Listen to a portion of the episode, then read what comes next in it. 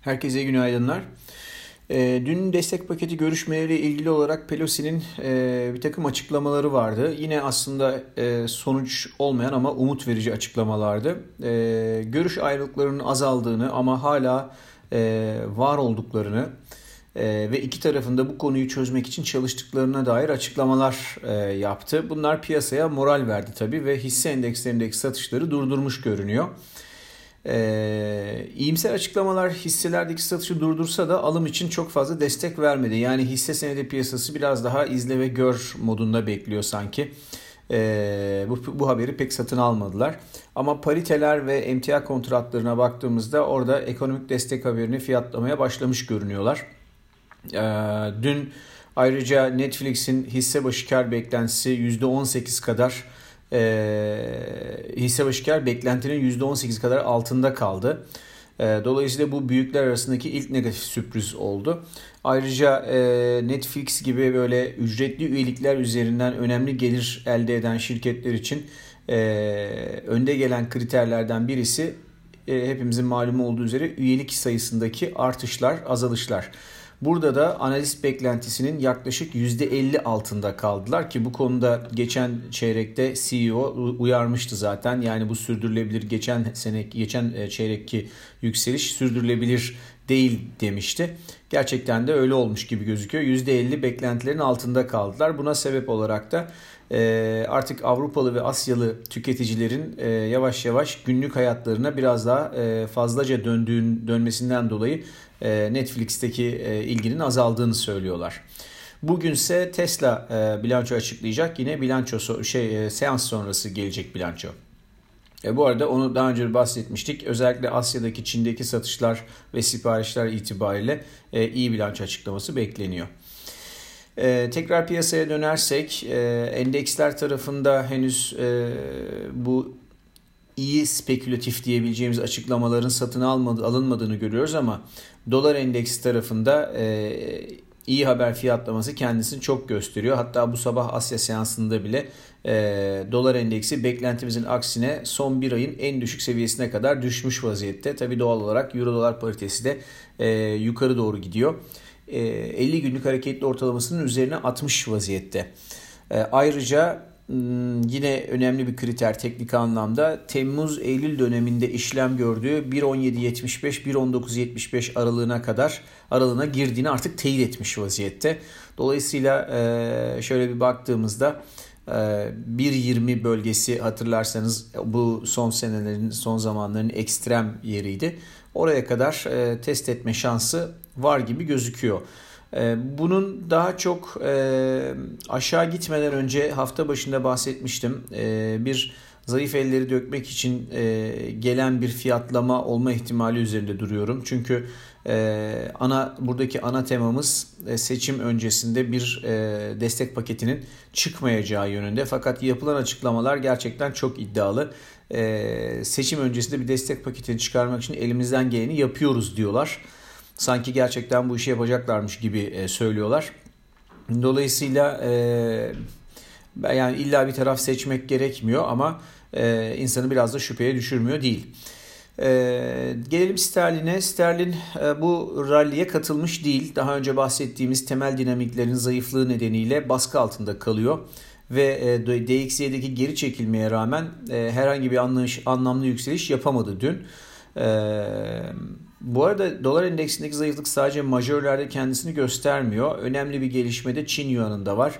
Dolar yuan e, paritesi 6.67'de güçlü bir desteği vardı bunun 2019'da 3 kere test edilmiş yukarıdan ama e, kırılmayarak paritenin ta 7.20'lere kadar gitmiş, gitmesine neden olmuştu.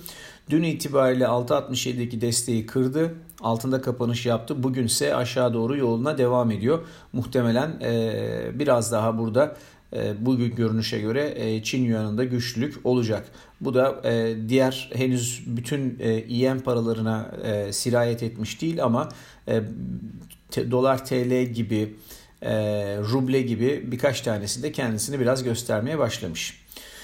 E, dolardaki değer kaybına paralel olarak petrol, bakır, altın ve gümüş fiyatları da yükselmeye başladı. Dün akşam açıklanan API petrol stokları verisi ham petroldeki azalış beklentisine karşılık 584 bin varil stok artışı olduğunu gösterdi. Bu aslında bearish bir veri sayılır. Cushing stokları ise 1.17 milyon varil artmış ki bu da e, oldukça yüksek bir büyüklük. Dolayısıyla burada bir bearish e, hikaye var ama bunun karşılığında dizel ve benzin stoklarında azalış beklenirken özellikle dizel stokları beklentiye göre çok daha yüksek e, artış göstermiş. E, özel, özel düşüş göstermiş. Bu da e, bullish bir veri. Piyasa e, yukarıya doğru çalışmayı tercih etti. Biraz da dolar endeksinin e, hareketi nedeniyle muhtemelen.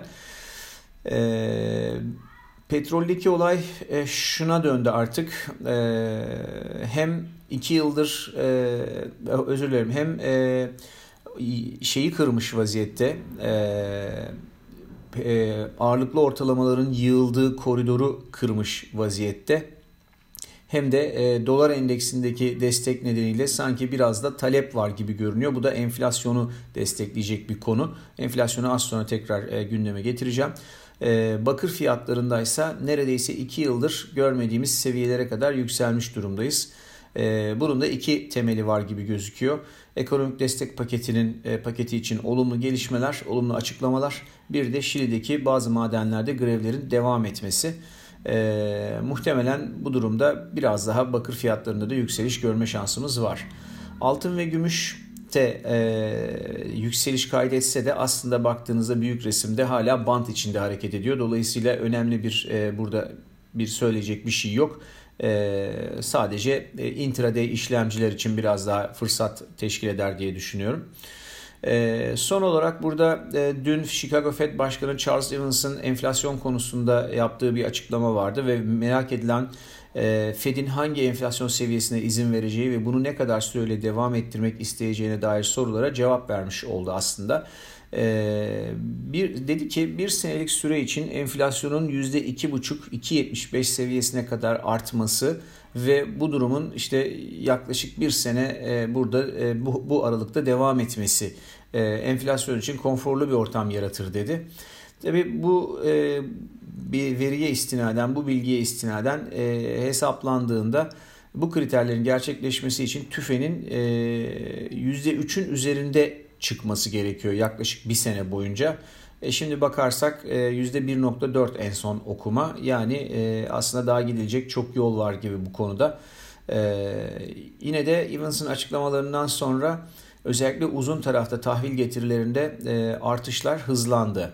E, yani orada sanki e, enflasyonu oraya kadar çıkartmaya hazırlarmış, ortam buna müsaitmiş gibi bir e, durum hasıl oldu.